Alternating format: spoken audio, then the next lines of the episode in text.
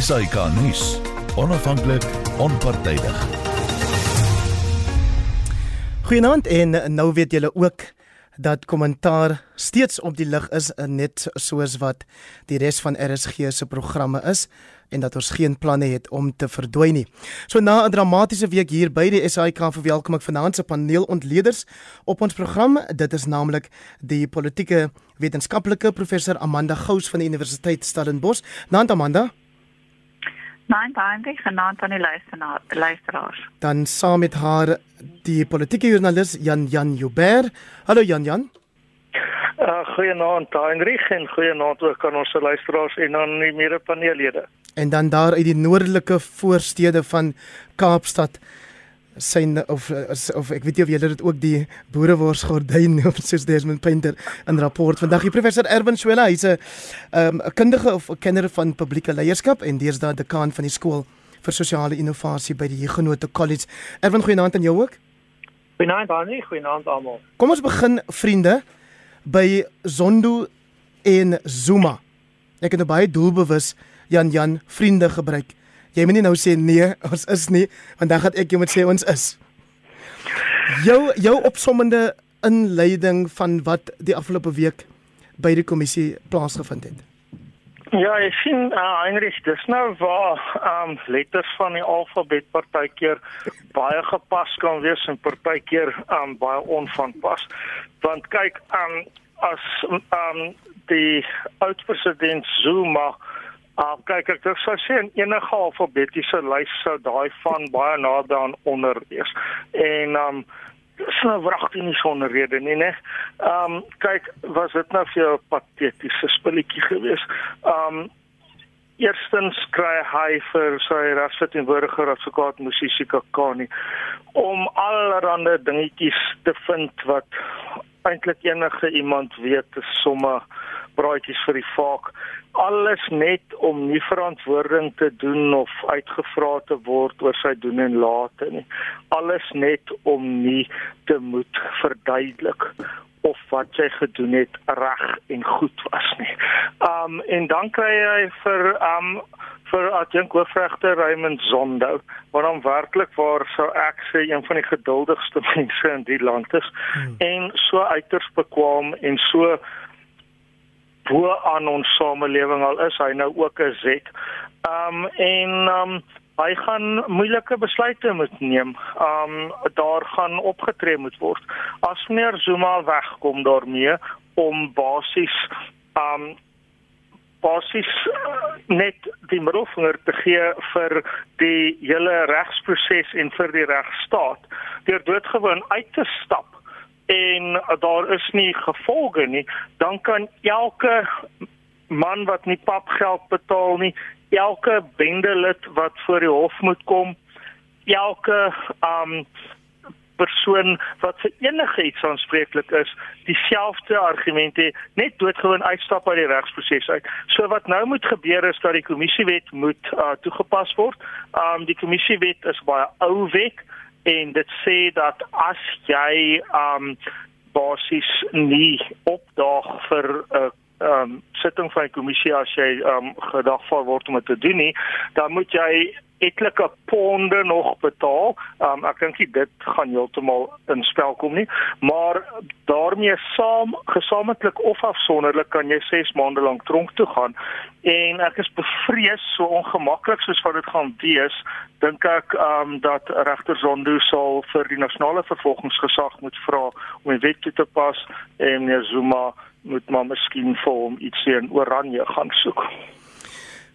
Amanda Gous toe regter Zondo sê nee, ek gaan nêrens nie in reaksie op hierdie aansoek van oud-president Zuma dat hy homself moet verskoon of uh, ja, moet moet pad gee as voorsteur van die kommissie. Toe waai Zuma self teen wie daar reeds 'n lasbrief uitgereik is dat hy wat hom verplig het om die afgelope week voor die kommissie te verskyn. Wel, sy sy groot ehm um, aanspraak, Zuma se aanspraak is dat hy eh, 'n uh, vriendskap het met regte Zondo en dat die dat dat Zondo om daardie rede nie ehm um, onpartydig kan wees nie. Nou ek het geluister na ehm um, regte Zondo se uh, reaksie en en sy respons op hierdie ehm um, aansprake wat Zuma maak. En dit was baie interessant. Hy het hulle een vir een gevat en gesê ek het wel met Zuma interaksie gehad op staatsfunksies en op uh allerhande plekke waar dit moontlik is waar mense wat in sy posisie is en Zuma se posisie is met mekaar in interaksie tree maar dat hy nooit 'n vriend van uh, Zuma was nie. Um, en dat hy uh, as Zuma dit so interpreteer dan is dit nie die regte interpretasie nie. Nou dit is baie duidelik dat ehm um, Zuma probeer om soos soos Jan Jan ook gesê het om nie verantwoording te doen nie. Maar die feit dat hy uitgeloop het is minagting van die kommissie wat uh, dieselfde is sou wees as minagting van die hof. Wat beteken dat uh, en en dit is 'n kriminele oortreding. So hy kan basies gearresteer word en ek dink dit plaas weer eens vir Zondo in 'n baie moeilike posisie want hy was baie geduldig. Hy Zuma hoeveel kansse gegee? En ehm um, Zuma is hy, hy speel nie by die reëls nie en hy basies dink dat hy verhewe is bo die wet. En ek dink Jan Jan is reg as hy sê as daar nie nou iets gedoen word nie dan stuur dit 'n baie verkeerde boodskap want as Zuma daarmee wegkom dan kan ander mense ook probeer om daarmee weg te kom. Ehm um, ek dink dit is absoluut skandalig dat dat Zuma na al hierdie tyd uh nou basies aansprake maak dat sy uh, getuies nie uh, aangehoor word nie, sy getuienis nie aangehoor word nie terwyl hy hoeveel kanse gehad het om wel uh, daardie getuienis te lewer. Ehm um, so ek dink dit is net ehm um, in terme van die die regsaksies uh uh of die regsimplikasies is dit uh, is dit belangrik dat daar 'n besluit geneem word. Nou Zuma kan natuurlik uh die wat genoem word die Stalingrad opsie gebruik en dit beteken hy probeer uithou so lank as wat hy kan of hy sy ander opsie is om die kommissie uh verdag te maak en te te ondermyn en en dit is ek dink ek wat hy nou hierdie tweede opsie wat hy gebruik het deur basies die argumente maak dat Zondo nie onpartydig kan wees nie. Ek dink 'n ander punt wat belangrik is is dat ons moet onthou dat ehm um, die die staatspresident eh uh, regters aanstel. En mens moet die vraag vra as as 'n president regters aanstel met die oog op wat in die toekoms kan gebeur. Soos wat Trump byvoorbeeld nou die die ehm um, hof in Amerika gelaai het met sy basismense wat hom ondersteun. Dan is dit nie 'n onpartydige proses nie en ehm um, weet ek dink ek wonder of dit die die regte proses is of daar nie 'n verandering moet kom in daardie proses nie. Erwin Swela hier is 'n uh, SMS van Petro wat sê uitstekende span vanaand en dan is hier 'n ander anonieme SMS wat sê en ek gaan dit nou maar um, anders verwoord um, om nie dit direk aan te haal nie. Hoekom word hierdie krimineel Jakob nie omgedop nie? Jy moet vir ons reaksie gee op die feit dat die einste Jakob en sy regsverteenwoordiger reeds vir regter Zondo gesê het, wel, um, ons loop nou en en maar ons het reeds 'n plan om jou te gaan verklaar by die regtelike dienskommissie en in elk geval selfs al kom verskyn Jacob Zuma voor hierdie kommissie sal hy sy swygreg uitoefen. Jou reaksie. Heinrich, kom ons begin deur te sê dat uh, wanneer 'n mens hierdie dinge beoordeel, moet jy gaan kyk na wat is die regsposisie en wat is die feite. Die reg kyk altyd na die die die waarheid ten opsigte van die feite en dan die geldigheid van die regsposisie. Nou net om gou eers net ter inleiding te sê, 'n kommissie is wat genoem word 'n inkwisatoriese proses. Dis 'n vreeslike 'n uh, moeilike woord vir my ook. Maar baie indrukwekkend. Ja, dit beteken dat hulle dat hulle anders as 'n geregshof is daar nie iemand in 'n beskuldigde bank nie, want dit is 'n sogenaamde akkusatoriese proses. Nog so 'n groot woord. Maar die, dit beteken eintlik dat dit is daarop ingestel om op een of ander manier die feite en die reg vas te stel sonder dat iemand noodwendig beskuldig word. So dis 'n proses wat kan lei tot 'n aanklag, maar dit is nog nie 'n proses wat daarop gerig is om die persoon aan enigiets skuldig te bevind nie.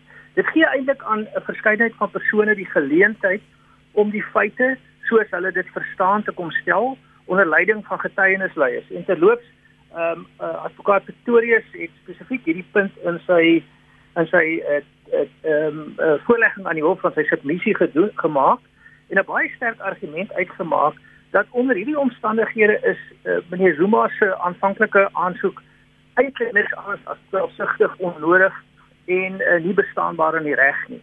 Nou in elk geval bykomend daartoe het die het die kommissie dan ook sekere eienskappe wat lyk na 'n geregshof onder andere om te verseker dat getuienis opdaag en dat hulle uiteindelik uh hulle plig nakom as landsburgers maar ook in terme van die reg.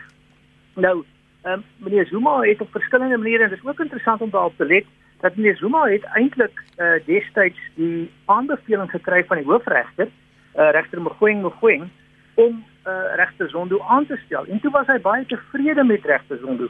En terloops, dit sou vir my nogal 'n verleentheid gewees het as ek uh, iemand moes kry om, om te ontken dat ek sy vriend is. Maar dit is nou maar net gesê.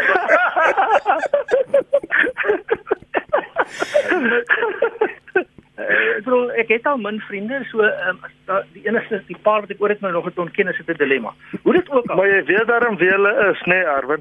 Ja, Jan Jan soos jy en so en 'n paar mm. ander nog my verdra. Ehm uh, uh, in in elk geval, so meneer Zuma is besig met ehm um, 'n verskeidenheid van die dinge wat my kollegas reeds genoem het. Dit is definitief 'n Stalingrad opsie. Daar's 'n poging om om om om die kommissie proses verdag te maak. Daar's 'n poging om die regter verdag te maak en uiteindelik is dit daarop ingestel dat meneer Zuma eintlik wil kyk of hy die onverwendbare afspraak wat hy met Petrus in die toekoms het, ehm uh, kan kan uitstel tot op die stadium uh, dat dat dit nie beteken dat hy dit moet doen met 'n met 'n oranje oorpak aan nie. So uh, dis alles al so eintlik deursigtig ja. uh duidelik en ek dink net ehm um, ja, dit sal nooit vervelig word nie, maar dit is regtig ontstellend.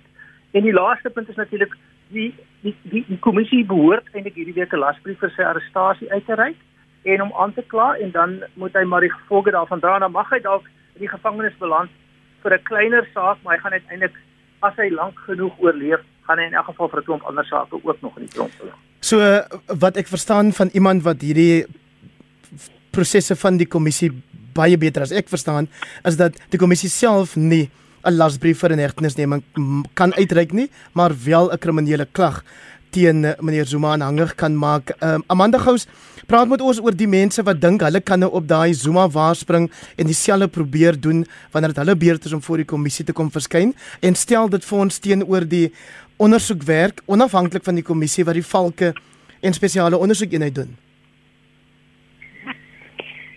Wel, ek dink die die minagting van die kommissie of soos in uh, geval van die minagting van die hof gebeur, ehm um, wanneer jy daar voor die kommissie staan en jy wel jy weier om saam te werk, uh, jy weier om jou getuienis te gee, jy is, kan beskou word as 'n vyandige getuie en so aan. Ehm um, so wat die voorbeeld wat Zuma stel is om te sê ek hoef nie na die kommissie te luister nie. Ehm um, en ek dink wat problematies is is dat sy regspan hom toelaat om daarmee weg te kom. Ek meen daar's ook 'n verpligting op op sy regs van hom om te sê daar seker goed wat jy kan doen en seker goed wat jy nie kan doen nie. Hmm. Maar dit saam met hom verdwyn in teetyd.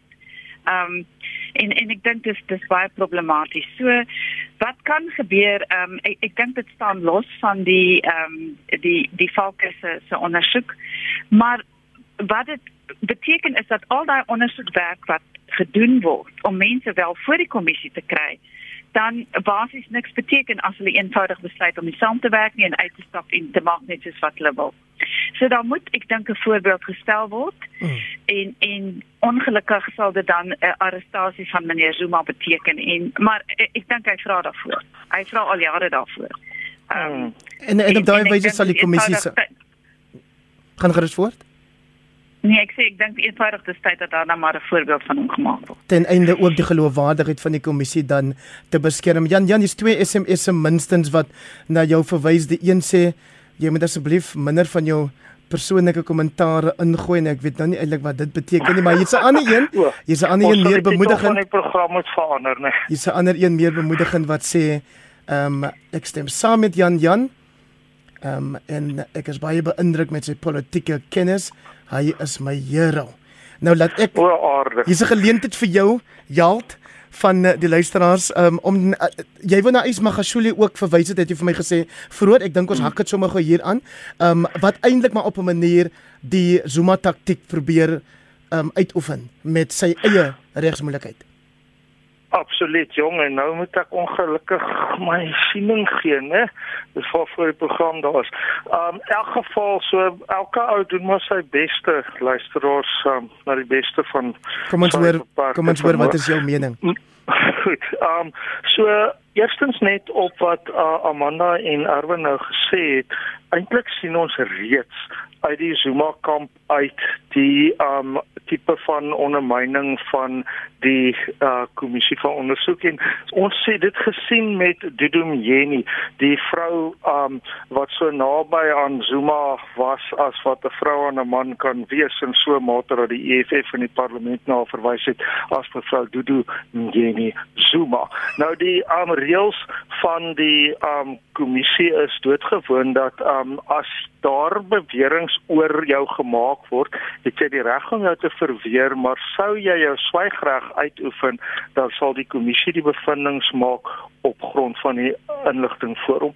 Ehm um, so wat dan gaan natuurlik gebeur is dat Zuma en Nyeni en die tipe die gaan dan nou net sê ja, maar dit wys hulle was bevooroordeel.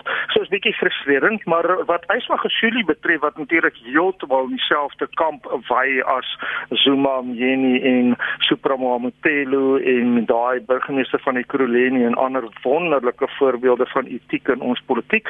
Um, hulle um, is nou besig om groot planne te maak van kyk die um, langarm van die gereg is besig om baie naby aan hulle te kom. So wat meneer Magashudi nou gedoen het in laas week, um, is dat hy het nou gesê hy gaan hom nou beroep op die takke van die ANC en hulle gaan nou basies tot sy redding kom. Wat dit beteken is dat hy het nou basies die ehm um, die rooi doek uitgehaal en dit vir die nasionale um adviserende raad die nasionale algemene raad National General Council van die ANC wat in Februarie plaasvind en waar daar 'n poging gaan wees om 'n mosie van wantroue in president Ramaphosa te stel. So um daar is die stryd nou aan.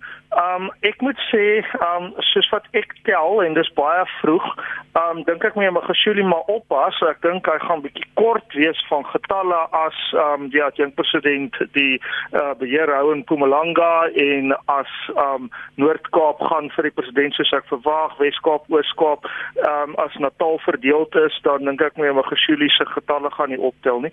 Maar hy het in elk geval nou begin terugpak lê en dit is nou burgeroorlog in die ANC tot Februarie maand.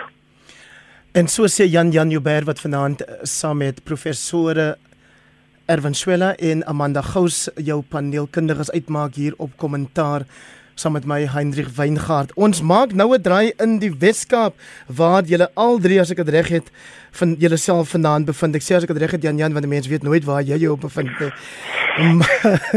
kom ons kom ons kom ons begin dan Erwin Swela met die DA se Weskaapse Kongres wat hierdie naweek plaasgevind het, maar spesifiek die vraag oor waarom jy reken die res van die land moet ook kennis neem van wat in die DA in die Weskaap plaasvind? Wel, dit is belangrik dat die DA ehm um, uh, is is die regerende party in die Weskaap. So op een of ander manier is dit wat hulle hier doen nie net polities belangrik nie, maar ook regeringskundig belangrik. En uh, hierdie is 'n uh, herhalende tema dat eh uh, um, binne politieke formasies in Suid-Afrika is die interne partytetiese stryde.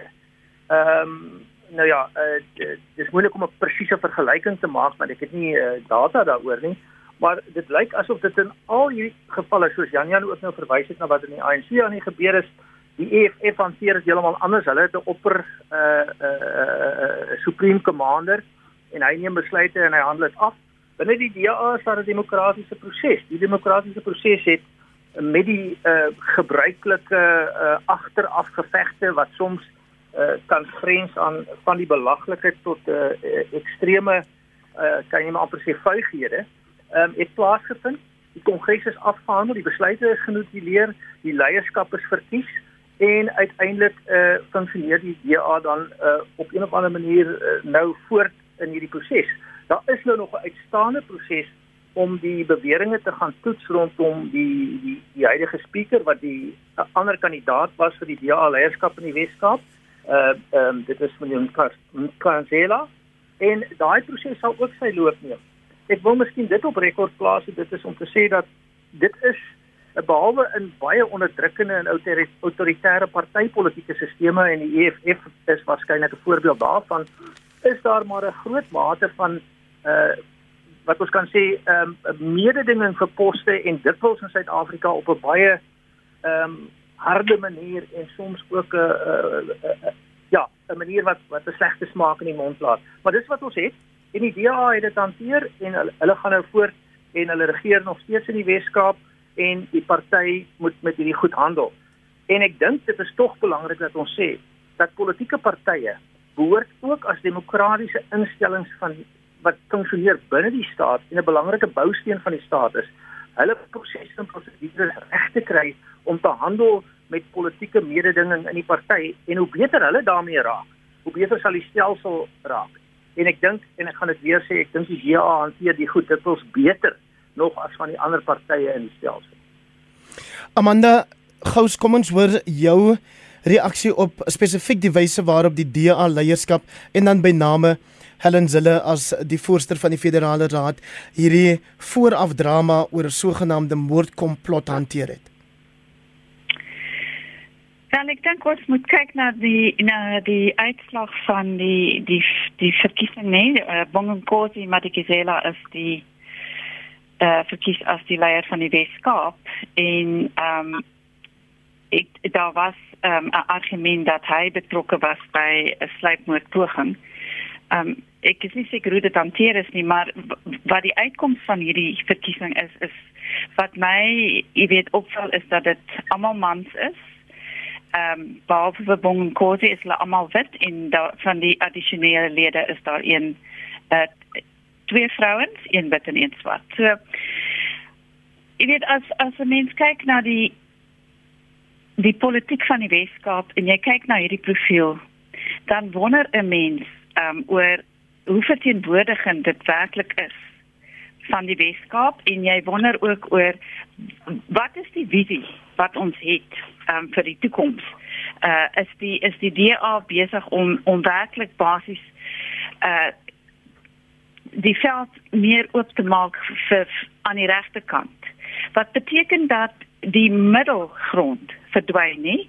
Die ANC is nie meer 'n uh, 'n uh, 'n linkse party nie. Dit is right of center en die DA is nou regs van die van die van die middel. So wat het geword van die middel?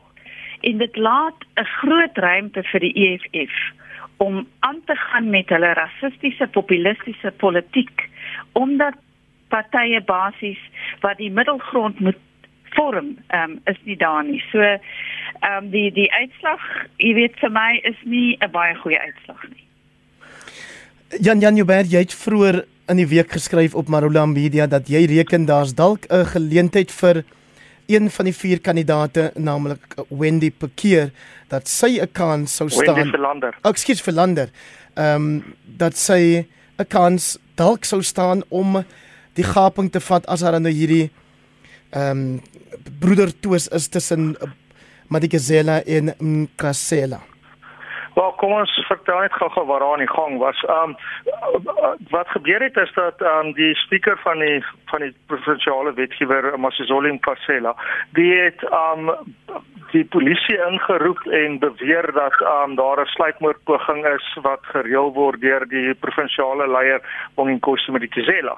En die is nou ontken en daar's nou allerlei straaierye daaroor in die DA en ek dink baie mense in die Wes-Kaap die het gedink dit was nou nie eintlik baie waardig van die DA om nou tot daai vlak te gaan nie. Wel, is ook nie dis eintlik te sê as die party nie, dis maar die individu en daar sal gevolge wees.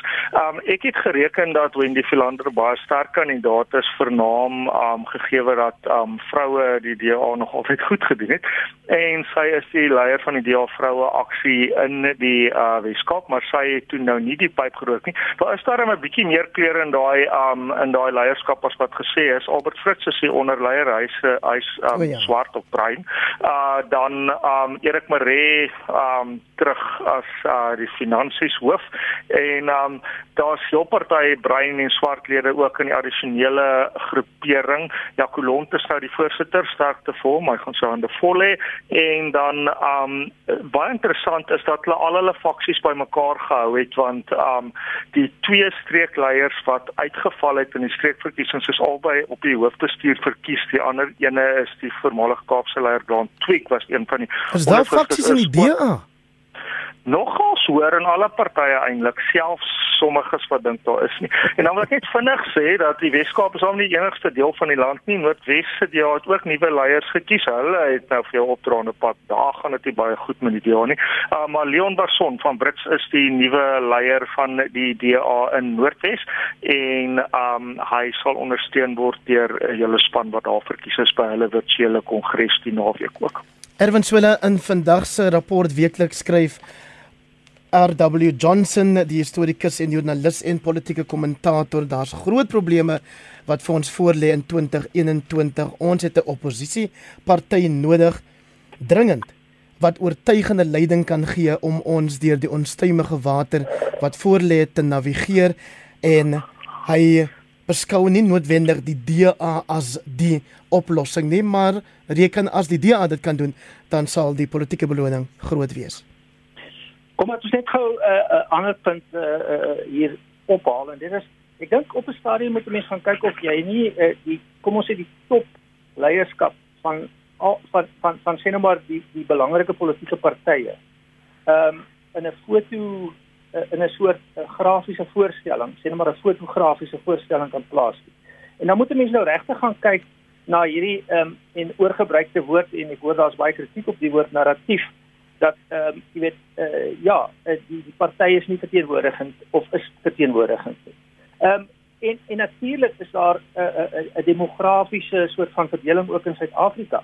Maar dit lyk my in terme van diversiteit sal jy dan vind dat die eh uh, met hier en daar uitsondering is daar 'n groter weerspieëling van die diversiteit van ehm uh, die Suid-Afrikaanse realiteit binne sê nou maar die afgeleerde ehm um, ek het byvoorbeeld net gaan kyk hoe lyk die Vrystaatse leierskap van die ANC. En ek dink nie daar's 'n uh, 'n vreeslike uh, demografiese verteenwoordigingheid en 'n weerspieëling van diversiteit nie. So ek dink 'n mens moet Maar sou dit 'n weerspieëling wees van die ANC se steun in die Vrystaat? Sou kon wees, maar dan is dan op dieselfde wyse is dit dalk 'n weerspieëling van die DA se steun in die in die Weskaap en of dit nou goed of sleg is, dit sluit eintlik aan by jou tweede punt. Uh wat dan sê een breinpersoon in die topleierskap wat die naweek verkies is? Nou, nee, wag daar, daar's meer Heinrich. Is daar meer? Die addisionele ja, lede sê jy. Ek sal gou tel, ja. Okay, Erwin, jy kan gerus voorgaan dat laat Jan Jan tel. So so, so dit sluit dan aan by by, by die by die by die by die punt wat wat wat wat jy, wat jy nou net op die op die agenda geplaas het, uh, Heinrich, en dit is naamlik jy weet wat is die implikasies van van hierdie dinge vir jou uiteindelike vermoë om om te regeer? Of om verkies te word of of, of om uiteindelik 'n effektiewe oppositie te wees want dis uiteindelik waarvoor politieke partye hulle beywer. Ja. Nou uh, die implikasie is is dat jy moet streef na die grootste moontlike mate van verteenwoordigendheid waarskynlik um, om uiteindelik die kieserssteun te konsolideer. En dit het dan nou ook te maak met hoe jy leiers verkies en ek dink uh, eh, RW Johnson se standpunt was dat daar eintlik in die DA vir 'n vir 'n taamlike lang ruk 'n situasie was waar soos meneer Johnson dit sien, ehm um, mevrou Zille eintlik leiers gaan kies het en hulle dan uiteindelik binne in die party in 'n sekere sin 'n uh, ingevalskerm het en dan uiteindelik uh, hulle probeer inbring het op 'n wyse wat aanvaarbaar sou wees vir die party. En dit het nie gewerk. So dan is die tweede opsie as jy dit nie kan doen nie en dit werk nie, dis dink ek wat hy op 'n manier argumenteer, dan is die tweede opsie, hoe kry jy nou leierskap? Uh wys jy hulle aan of kies jy hulle? En dis eintlik my punt. Die DA kies hulle leierskap. Dis die leiers wat hulle kry en as ek meneer Johnson reg verstaan, is dit 'n beter metode as die vorige metode want dan het die lede die grootste sê en is jy die beste kans dat ten minste die lede se sieninge verteenwoordig. En as dit dan beteken dat jy uiteindelik nie 'n regering gaan wees nie, dan is dit nou die realiteit waar jy moet jy moet saamlewe. Ehm um, daar is groot moontlikhede om baie waardevolle werk te doen terwyl jy nie in die regering is nie. Ek aanvaar ook die DA het aspirasies om in die regering te kom. Ek het 'n vermoede dat dit nie gaan realiseer onder huidige omstandighede nie, maar op die medium en die langtermyn gaan daar in hierdie land 'n fundamentele politieke herskikking kom om weer daai ruimte waarna Amanda verwys in die sentrum te vul. En dit gaan waarskynlik 'n groter koalisie wees tussen mense in die ANC wat 'n bepaalde standpunt het, gesamentlik met mense binne die DA. Heinrich, kan ek iets sê asseblief? Laat laat Erwin net klaar maak. En net 'n laaste punt. Nou moet ons nie uh, uit uit uit berekening laat dat na na verkiesings word daar in elk geval koali- koalisies gevorm nie en dan lyk die regeerkoalisies ook alweer anders. So dis die politieke dinamika waarmee ons uiteindelik hier werk. Uh die DA verkies hulle verteenwoordigers sover as wat hulle kan op 'n demokratiese manier deur gebruik te maak van hulle interne interne partytetiese prosesse en dit is hulle keuse en hulle is heeltemal geregtig om dit te doen. Amanda. Wel, ek wil net sê ons moet kyk na uit watter hoek kom uh, RW Johnson uh, na die gesprek toe. Hy is baie konservatief. Hmm. Ehm um, en en ek het baie groot probleme met sy ontledings. Ek stem. Die die feit die die die manier wat waarop Helen Zille te werk gegaan het was om die profiel van te probeer om die profiel van die van die party te verander en om swart steen te trek en en tot die mate wat sy dit reg gekry het, het dit gewerk. Um, om nou te sê sy het mense uh, weet she parachuted them in um, en dit het nie gewerk nie is is 'n is 'n om om daarna te kyk uit uit die hoek van van van 'n mislukking maar om te gaan kyk na die dinamika van wat gebeur het uh en om te sê dat jy weet ehm um, dit is hoe dit is en as ons nou nie jy weet uh 'n verkiesing kan wen op hierdie manier nie, dan is dit maar soos dit is. Ek dink ek dink nie mense kan so redeneer nie. Die punt is dat jy het 'n sterk oppositie nodig. En as ons byvoorbeeld gaan kyk wat hierdie week in Nysna met die DA gebeur het, hmm. dan hulle hulle was in die meerderheid en die binnengevegte daai het veroorsaak dat hulle nou dat die ANC en Cope nou die beheerende koalisie is. So die DA dink ek het, het baie ernstige binnepolitiese probleme en en ek dink werklik om te kan sê dat jy weet die, die dat dit ehm um, verteenwoordigend dat die hierdie uh, die, die addisionele lede nou die verskil gaan maak. Addisionele lede is nie die mense in besluitnemingsposisies nie en hulle is nie verteenwoordigend nie. Ek dink net uh, Heinrich as ek mag inkom. Ek wil um, ek wil net seker maak dat ek nou nie hier verkeerd verstaan word nie. Ek is gevra om kommentaar te lewer op wat meneer Johnson gesê het. Ek het nie gesê dat ek noodwendig daarmee saamstem nie. Ek sê daar's twee maniere waarop jy met hierdie goed kan aankom uh, uh omgaan en daar's -hmm. waarskynlik ook meer maniere. Ja. Uh ek het ook uh, bepaalde standpunte oor ehm um, ehm um, die analises van verskillende ehm um, ana analitiese benaderings. Ehm um, maar dit is my my my, my soort van opinie daaroor beteken nie dat ek nie gaan kyk na wat hulle sê nie. Ja, goed, So, Erwin. ja. Ewen Ja, ek ek waardeer dit. Um, ek wil baie graag hê ons moet in Brackenfell reg gaan maak. So Ja. ek gaan vir jou Jan Jan 'n kans gee om nog 'n laaste woord te spreek oor die DA leierskap wat verkies is. Hier's 'n SMS van Mike en Brits wat sê hoekom moet die DA leiers kies wat die bevolking verteenwoordig? Moet die leiers nie verteenwoordigend van die lede van die party wees nie? As jy die leier wil wees, moet jy genoeg lede agter jou verenig. So kort as wat jy kan asseblief dat ons kan Brackenfell toe gaan. Goed, kom ons kom ons doen dit gou-gou. Um nee, ek het net gou getel. Daar's daarom 4 breinlede um van die van die provinsiale leierskap. Um onthou altyd dat um ja, dat ons Afrikaanse gemeenskap se se name is maar dieselfde selfs al is daar partykeer bietjie pigmentarmoede en bietjie pigmentrykdom. So dis nie altyd so maklik om te weet wat die ras van die persoon is, is miskien nog nie so belangrik nie. Maar So- daar's vier breinlede. Goed, um, ja. en en om dan by Brackenfell te kom, jy weet ag dit was van vir my 'n verskriklike hartseer situasie. Enige iemand wat deesdae by 'n skool betrokke is, weet dit is verskriklik moeilik om 'n skool te bestuur. En um wanneer 'n skool Jy weet ouers en kinders sit alles in 'n skool en dit word hulle lewe in 'n groot mate vir die tydperk wat hulle daarbey betrokke is. En ehm um, wat gebeur het hier is dat daar probleme by daai skool gekom vir baie lang tyd. Om nou te maak of daar nie probleme was nie, is om is om sommer net praatjies vir die volk te maak. Van my ehm um, vriende wat brein en Engels is, het kinders in daai skool en daar was uitdagings soos verwag kan word uit 'n skool wat so ongelooflik groot is en so 'n uh, uiteenlopende gebied bedien.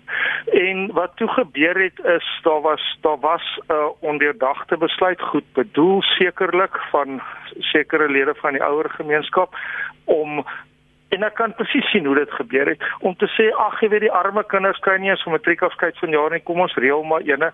Maar dan um ja dit dit het nie presies uitgewerk miskien soos wat beplan is nie. En dit het toe die ontevredenheid wat oor 'n lang tydperk kom um na die oppervlak laat borrel. Die EFF het um opportunisties opgetree soos politieke partye doen. En um ek dink wat nou nodig is vir daai skool vir die EFF en die gemeenskap van Brackenfell en almal wat 'n eiertjie te lê het, is om die kinders eerste te stel. Um help nie die EFF gaan maak 'n hensel lawaai en die presiese matrieks wat hulle sê hulle namens optree kan nie lekker eksamens skryf nie want dit gaan soos 'n oorlog voor die skool. Ek hoop mense kan nou ontspan, rustig raak en die kinders eerste stel. So ons het voorheen gesels oor die eerste voorval min of meer 2 weke gelede daar in Brackenfell. Amanda, jy wou spesifiek vanaand oor Brackenfell gepraat en ek wil daarom net sê as 'n mens nou niks anders vandag in rapport gelees het nie, hoewel ek weet ons het vir RW Johnson gelees, dan hoop ek tog mense het ook die sielkundige professor Desmond Painter se uitmuntende ode aan sy geboorteplek, die Blues van Brackenfell gelees daar in Amanda sê hy die diversifisering van woonbuurte beteken nie daar is betekenisvolle integrasie nie. Ons is nou vertroud met die agtergrond van die Brackenfell gebeure. Jou reaksie op daai stelling wat Desmond Painter maak? Ja, wel ek ek dink dit is, jy weet, 'n uh, integrasie gebeur uh in terme van of of diversifikasie in terme van getalle maar dit beteken nie noodwendige assimilasie met ander woorde dat dat kinders nie hulle self skei op die speelgrond en jy het groepies van dit kinders en groepies van bruin of swart kinders en so aan.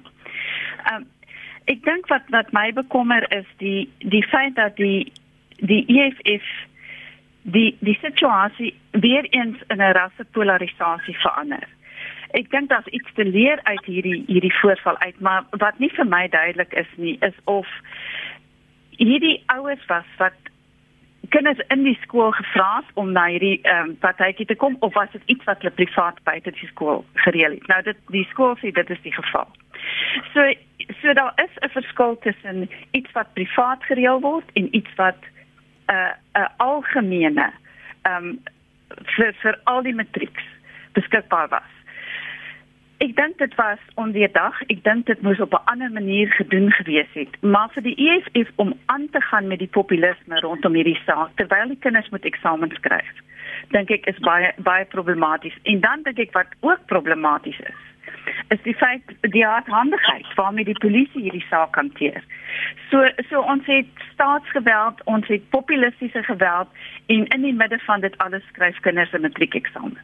Erwin Speller, ons het nou min of meer 'n minuut oor vir jou om vir ons op te som. Ons los nou die skool, ons los ook die politieke partye en ek vra vir jou om van net 'n publieke leierskapsoogpunt vir die gemeenskapsleiers in Brackenfell te sê wat jy meen hulle behoort te doen volgende. Jy bestuur die konflik af. Sover as wat jy kan, moet jy werk met die idee van die sagte antwoord keer die grimmigheid af.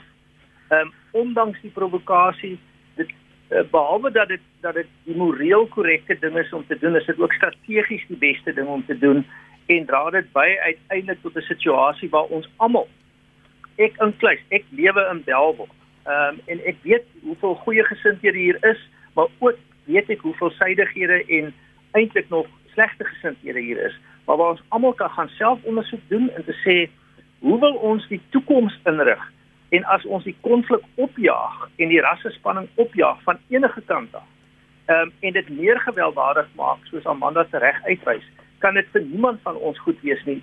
Dit kan ons oorlaat aan onverantwoordelike leierskap, verantwoordelike leierskap bestuur die konflik af, soek konsensus, maak vrede en kry uiteindelik 'n vorm van 'n uh, 'n uh, samewerkende samelewing en regering. En op daai hoopvolle noot sê ek baie dankie vir jou bydrae vanaand professor Erwin Swela. Hy is dekaan van die skool vir sosiale innovasie aan die Huguenot College. Saam met hom vanaand die politieke joernalis Jan Jan Joubert en ook professor Amanda Gous, 'n uh, politieke wetenskaplike van die Universiteit Stellenbosch. Ek waardeer julle deelname en ek waardeer ook die luisteraars wat so getrou inskakel en saampraat hier op ons SMS lyn. Mag jy 'n week van goeie gesondheid, geleenthede en genade beleef. Groetnis van my tot volgende keer.